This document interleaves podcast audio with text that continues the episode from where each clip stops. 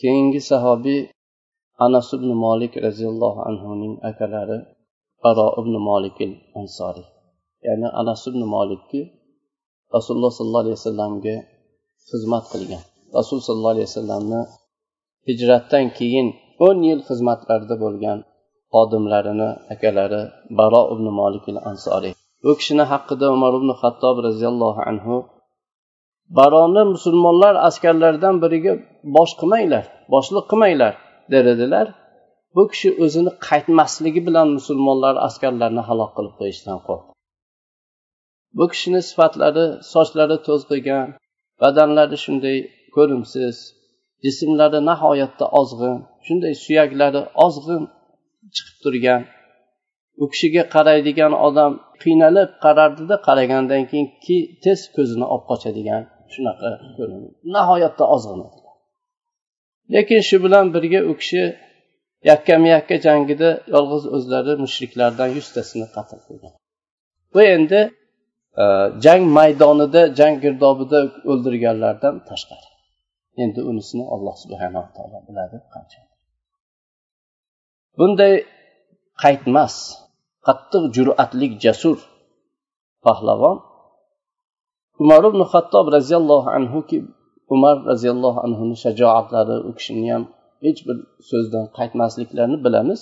Shu zot atrofdagi voliylariga xat yozib bu barroni yana musulmonlar askarlariga bosh qilib qo'ymanglar deb xat yozar edilar. Hech qaytmasligi bilan ularni halok qilib qo'yishdan qo'rqib. Baro ibn molik ansoriy anas ibn molik rasul sollallohu alayhi vasallamni xodimlarini akalari. Biz baro ibn molikni pahlavonliklari u kishini qahramonliklarini xabarlarini shu hammasini bu yerda qissa qilib davom etadigan bo'lsak juda so'z cho'zilib ketadi. Vaqtimiz ham yetmaydi. Shuning uchun e, u kishini qahramonlik qissalaridan bittasini bu yerda sizlarga ko'rsatamiz. Bu boshqalaridan o'zi sizga qanday kishi ekanliklariga xabar beradi. Bu biz aytib beradigan qissa rasululloh sollallohu alayhi vasallam vafot etib alloh subhanava taolo tarafiga ketganlar ketgan lahzalarning avvalidanoq boshlangan qissadir. Bu vaqtda ko'p qabilalar alloh taoloni dinidan bu dinga to'da to'da kirganlari kabi dindan murtad bo'lib chiqa boshladi. Qisqa vaqt ichida ming minglab odamlar dindan murtad bo'lib qoldi. Hatto islomda ahli makka ahli madina toif ahli va u yer bu yerda tarqoq bo'lgan alloh taolo qalblarini iymonda sobit qilgan ba'zi qabilalargina islomda qolishdi. Abu bakr siddiq roziyallohu anhu bunday ko'r bunday buzg'unchi fitna qarshisida mustahkam tog'lar salobati bilan mahkam turdilar. Muhojir ansorlardan o'n bitta lashkar tayyorlab ularga bayroqlarni berib ularni arab jazirasining atrofidagi murtadlarni hidoyat haq dinga qaytarishlik uchun va to'g'ri yo'ldan burilganlarni qilichni dami bilan qilichning tig'i bilan haqqa qaytarishlik uchun yubordi. Bu murtadlarning eng kuchi qattig'i soni ko'pi banu hanifa qabilasi edi. Ya'ni musaylamatul kazzobni qavmi. Yamoma degan yerda joylashgan. Musaylamani atrofida qavmi unga ittifoqdosh bo'lgan qabilalardan qirq ming eng qattiq bir jangchi bo'lgan sheriklari ya'ni atrofida ashobi jamlangan ya'ni buni payg'ambar deb. Ularning ko'pchiligi musallamaga bir asabiyatdan o'zlarini qarindosh ulug'chilik millatchilik shundan unga iymon keltirganligi uchun emas shuning uchun unga jamlanishadi aytardilarki ba'zilari biz musaylamani kazzob ekanligiga guvohlik beramiz va muhammad sollallohu alayhi vasallamni sodiq haq payg'ambarliklariga guvohlik beramiz. Lekin rabiani kazzobi ya'ni o'zimizni ichimizdan bo'lsa endi kazzob bo'lsa ham bu kazzob bu muzarni e, sodiqidan yaxshiroqdir deb unga qo'shilgan abu bakr roziyallohu anhu ikrimat abi jahl roziyallohu anhuning yetakchiligida yuborgan musulmon askarlarni birinchisini musaylama mag'lub qilib orqasiga qaytarib yubordi ular qaytib keldi. Abu bakr siddiq roziyallohu anhu holid ibn valid roziyallohu anhuning yetakchiliklarida ikkinchi qo'shinni tayyorlab jo'natdilar. Bunda ulug' ansor muhojir sahobalarni yig'dilar. Ularni boshida ansor muhojirlarni oldida baro ibn molik ansoriy va musulmonlarni qaytmas qahramonlardan bir jamoa borishar edi bu ikki qo'shin musulmonlar bilan bu murtadlar askarlari yamoma yerida najd viloyatida ular bir biriga to'qnashdi. Ko'p o'tmay musulmonlar oyoqlari ostida yer larzaga keldi. Yana ozgina suslik mag'lubiyat boshlandi. Ular o'zlarini turgan joylaridan orqaga chekina boshladilar. Hatto musaylamaning sheriklari xolid ibn validni chodirlarigacha bostirib kelishdi va chodirni turgan joyidan uzib tashlashdi. Ulardan bittasi himoyasiga olmaganda yaqin xolid ibn validni ayollarini ham qatl qilishdi shu vaqtda musulmonlar katta bir tahlikalik bir xatarni his qildilar. Ular shunda bildilarki agar musaylamatul kazzob oldida mag'lub bo'ladigan bo'lsalar bu islom bugungi kundan keyin oyoqqa turolmaydi ular bildilarki agar ular bu kunda suslik qilsalar arab jazirasida sheriksiz yolg'iz ollohga ibodat qilinmaydi. Shu vaqtda xolid ibn valid askarlariga qayta turdilar va ularni tartibini yangitdan tartibga soldilar. Muhojirlarni ansorlardan va sahrodan kelgan atrofdan kelganlarni muhojiru ansorlardan alohida alohida qilib qo'ydilar. Va har bir otani farzandini alohida o'zini har qabilani bir bayroq bilan xoslab shu bayroq ostiga jamladilar. Jangda har bir toifa alohida bir sinovdan o'tishligi uchun va bu musulmonlarga shikast mag'lubiyat kim tarafidan kelyapti bu ma'lum bo'lishligi uchun alohida alohida qilib qo'ydilar. Shunda ikki toifa o'rtasida bunday shafqatsiz halokatlik jang tegirmoni aylanardi. Musulmonlar bundan oldin bunga o'xshashini bunday qattiq jangni ko'rmagan edilar. Musaylamatul kazobni qavmi jang maydonida shunday salobatli tog'larning sabotiga o'xshash sabot bilan turib berdi. Ulardan qancha ko'p o'ldirilganlarga parvo qilishmas edi.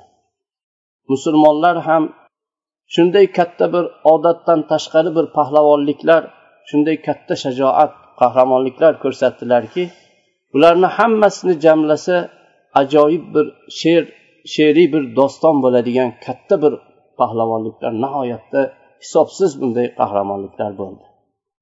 Sobit ibn qays roziyallohu anhu ansorlar bayrog'ini ko'tarib olgan kishi u kishi o'zlarini xushbo'yladilar va kafanladilar. Keyin o'zlariga yerda qabr qazidilar shu qabrga tizzalarigacha tushdilar va shu tur e, o'rinlarda sobit turib davom etdilar.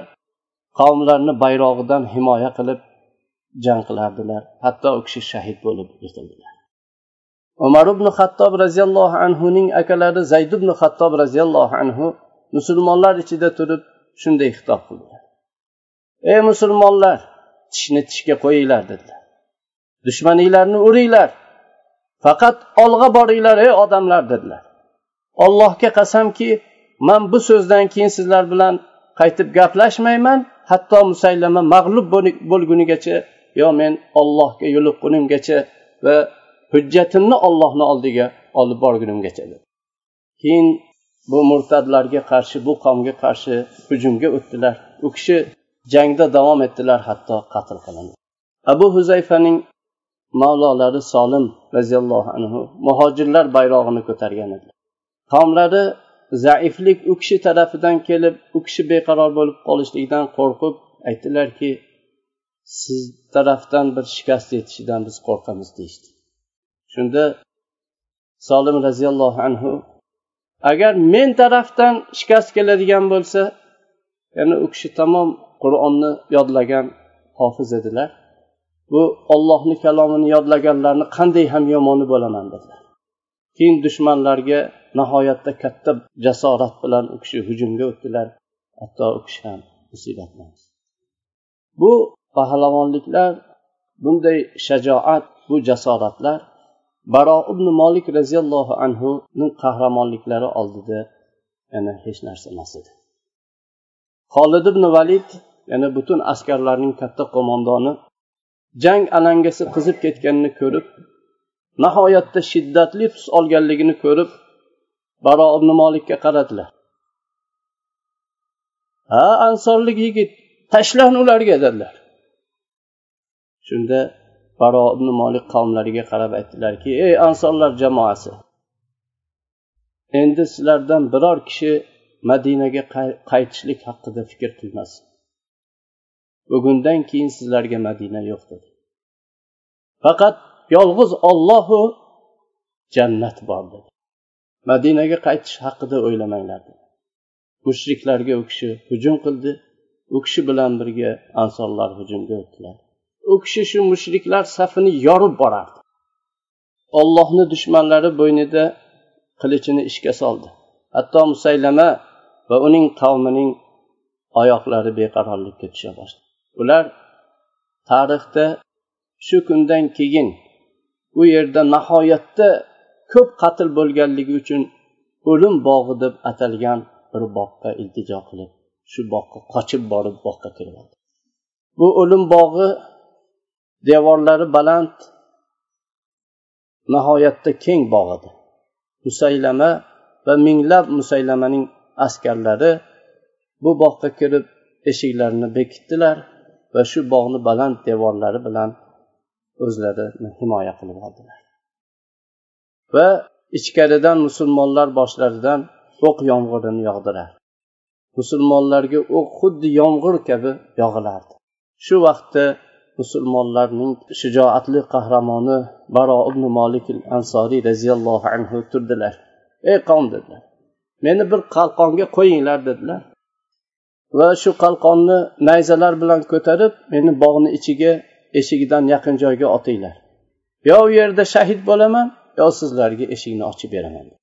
Ko'z ochib yumguncha baro bu qalqonga o'tirdilar o'nlab u kishini jasadi ozg'in yengil edilar o'nlab nayzalar u kishini ko'tarib shu o'lim bog'iga devordan otib olishdi. U kishi musaylamatul kazzob askarlaridan minglar askarlar ichiga xuddi yashin tushgandek tushdilar va bog'ni eshigi oldida ular bilan urushdilar. Va ularda o'zlarini qilichlarini ishga soldilar. Hatto ulardan o'nlab murtadlarni o'ldirib eshikni ochdilar. Eshikni ochdilar u kishining jasadida saksondan ortiq o'q tekkanlik qilich kesganligi nayza sanchganlik jarohatlari bor edi. Musulmonlar bog'ga oqib kirdilar. Devorlardan eshiklaridan va bu bog'ni devorlari baland devorlari bilan himoyalanib olgan bu murtadlar bo'yinlarida qilichlarini ishga soldilar. Hatto ulardan yigirma ming kishini qatl qildilar. Va musaylamaga ular yetishdilar. Musaylamatul kazzobni ham halok qilib yiqitdilar. Bado ibn molik roziyallohu anhu u kishini davolash uchun yuklari oldiga ko'tarib olib ketildi. Holid ibn valid roziyallohu anhu o'zlari u kishini jarohatlaridan bir oy ustilarida turib davoladi. Alloh taolo shifo berdi kishi tuzalib ketdi bu kishini qo'llarida musulmonlarga mana shunday katta g'alabani alloh subhanava taolo taqdim baro ibn molikil ansoriy bu o'lim bog'ida u kishi yetisha olmagan shahodatga doim zavqlanib janglarga kiradi. U kishi shu o'zlarini katta orzularini hosil qilishlikka zavq bilan birma bir janglarga borardilar. Yana payg'ambar sollallohu alayhi vasallamga yetib olishlikka qattiq muhabbat qilib janglarga borardi. Hatto bu fors eron shaharlaridan tustur degan bir katta shahri bor edi. Shuni fath qilish kunida forslar o'zlarini nihoyatda e, qattiq himoyali qo'rg'onlarni bittasi bilan himoyalanib olgan edilar. Musulmonlar ularni qurshovga olishdi va forslarni xuddi bilagi uzuk bilakka o'ralgandek taqilgandek ularni shunday qurshovga olib mahkam qurshovga olgan edilar. Shunda forslar imtihon e, bu forslarni qurshovi juda qattiq bo'ldi. Ular qal'a devorlari ustidan temir zanjirlarni tashardilar. Temir zanjirlarga po'latdan qilingan o'tda qizitilgan changaklar ilgaklik changaklar bog'langan edi uni tashlashardi u kelib bu changaklar shunday lovullab turgan o'tdan lovullab turgan changaklar kelib musulmonlarni jasadlariga kirib ilib olardi keyin uni o'zlariga tortib olishardi. Yo o'lgan holatda yoki o'limga yaqin holatda o'zlariga shunday tortib olardi. Shu changaklardan bittasi anas ibn molik roziyallohu anhuga baro ibn molikni ukalariga kelib ilindi baro uni ko'rishlari bilan yugurib borib shu zanjirga sakrab uchdilar devordagi zanjir. Va zanjirni qo'llari bilan ushladilar. Va ukalarini ko'tarib zanjirni u kishi bu changakni u kishini jasadidan chiqara boshladi. U kishini qo'li yonardi tutuni chiqaradi. Lekin u kishi qo'liga parvo qilmasdi. Hatto ukalarini qutqazib yerga tushdilar. Ammo qo'llari go'shtsiz suyakni o'zi qolgan edi qo'llar. Shu jangda baro ibn molik ansoriy alloh subhanava taologa shahodatni rizqlantirishligini duo qildilar. Alloh taolo u kishini duolarini ijobat qildi. U kishi allohga yo'liqqanlik bilan nihoyatda xursand quvonib shahid bo'lib yiqildilar alloh taolo barro ibn molik roziyallohu anhuni jannatda alloh serob qilsin va o'zlarini u kishini ko'zini muhammad sollallohu alayhi vasallamni suhbatlari bilan alloh quvontirsin. Alloh u kishidan rozi bo'lsin. Alloh u kishini rozi qilsin. سبحانك اللهم وبحمدك أشهد أن لا إله إلا أنت أستغفرك وأتوب إليك. السلام عليكم ورحمة الله وبركاته.